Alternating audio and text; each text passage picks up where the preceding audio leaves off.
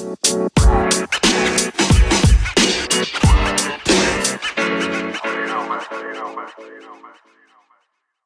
welcome to the latest episode of Mentor Mons podcast. Um, I'm Eleth, I'm the Marketing Officer at Arloesi Gwynedd one of Mentor Mons projects.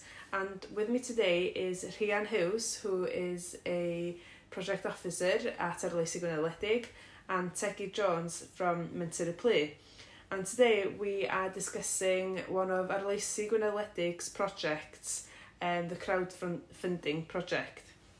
So Rhian, to begin with, can you explain to us what the crowdfunding project is? Uh, yeah, this is one of our projects that we started about three, four years ago. Uh, Mentor Ripley was th the third project that we financed through uh, crowdfunding. And simply what it does, it provides an effective means of contributing towards a specific project, especially now there are less, less grants available. And take it, um, can you explain to us why you applied for this project with Erlusi? Um, we applied for it because uh, it was uh, it was just more than a crowdfunding. It, it, it offered some marketing uh, tools as well uh, including a video which we didn't have. We were about nine months into the campaign and we noticed that we still didn't have a video and uh, we thought that it, we could try that and it, I think it worked well in the end. We did get a video which uh, helped us a lot with uh, marketing and uh, spreading the word. Uh, I think that gave us a boost to the total uh, money we, we got in the end. Mm. Can you explain to us how the your campaign worked? So you um, were crowdfunding, but you also had shares available to buy. Yeah, so uh, we're offering shares. Um, that was a minimum of one hundred pounds, and that campaign had already been for a few months already. Um, but uh, the crowdfunding was an opportunity for someone to uh, contribute maybe a bit less from a pound up. Mm. Um, and uh, the, the, sh the share campaign had gone very well until then. Um, and we we would uh, advertise shares through Facebook and Twitter and our own website. Mm. Um, and uh, through uh, local media as well. Mm. And how successful was the crowdfunding campaign, would you say? Did you raise how much money you were expecting or um we it wasn't about how much money we expected to raise out of the campaign because we we just wanted to more or less boost the the whole campaign rather than just the crowdfunding itself. So maybe we raised about 800 in the crowdfunding itself, but uh, but out of that we got the video as I, as I explained, and um, I think more people bought shares out of it right. as well, so it's difficult to put a uh, value.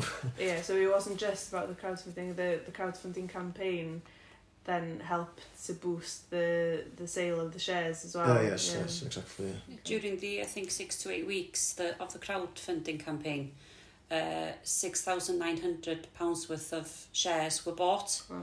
and possibly um, in that time if the crowdfunding campaign wasn't mm. set then possibly that number wouldn't have wouldn't have yeah. been met yeah and with uh, the marketing how did you market the campaign Well, through uh, social media mostly, mm. and through uh, um, local papers, and there was also a bit of coverage on the news. Um, and we also had plenty of events in the in the village hall uh, as well. Because the marketing side was an important like aspect of the project for us from Arloesi's point of view, wasn't mm. it, Rhian? Because we um, had a marketing specialist to help yeah. mentally play with the with the marketing side of things Um, do we do we think that made a, a, a difference? I think so because um, anybody can read a, a news article and and and sympathise with a group.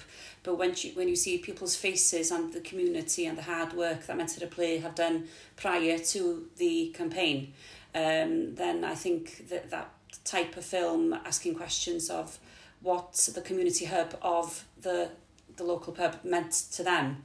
Um, it meant that they did just didn't want to lose that community hub, which mm. was so, so special in a small rural village as Llanymsindwy. Yeah.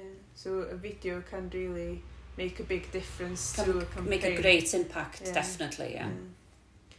And you've bought the um, pub now since it's about six months ago. How have things been going since then? Well, things have been going uh, very well, uh, considering uh, we don't have a kitchen yet and we, we're not close to our full potential. Mm. But yet, the income is steady and the business is steady at the moment. And uh, so what we've got, we had some events, some popular events, uh, and we were also very lucky to uh, work with the village hall. So, for example, there was a wedding um, a few months ago, and uh, we ran the bar in the, in the wedding, so that, that, that was very um, was a very good night for us, a good day really, good yeah. day for us. yeah. And um, do you have any top tips to any other communities who um, might be thinking of doing something similar? Um, yes, you, you. I think there's a in a way there's a battle against pessimism um, because you can understand when people think that uh, raising so much money is going to be hard and also when you've got stories all around of purpose closing and the yeah. and the industry struggling um, people can't see it uh, succeeding especially at the start of the campaign so we've got to keep that positive message and and the the belief that it can mm. happen yeah. um, and spread that uh, you know it's only a minority of people will maybe have pessimistic pessimistic views, but it can spread. Yeah, they, when, they when they discuss when, yeah. when they discuss with others, other people have doubts. Then if they mm. hear the, those voices, so it's important to keep positive and commitment as well and hard work. And I, I think because yeah. it doesn't happen easy, and you have mm. got to have a really good hard working community group like Men's Therapy, and they have worked incredibly hard. Mm.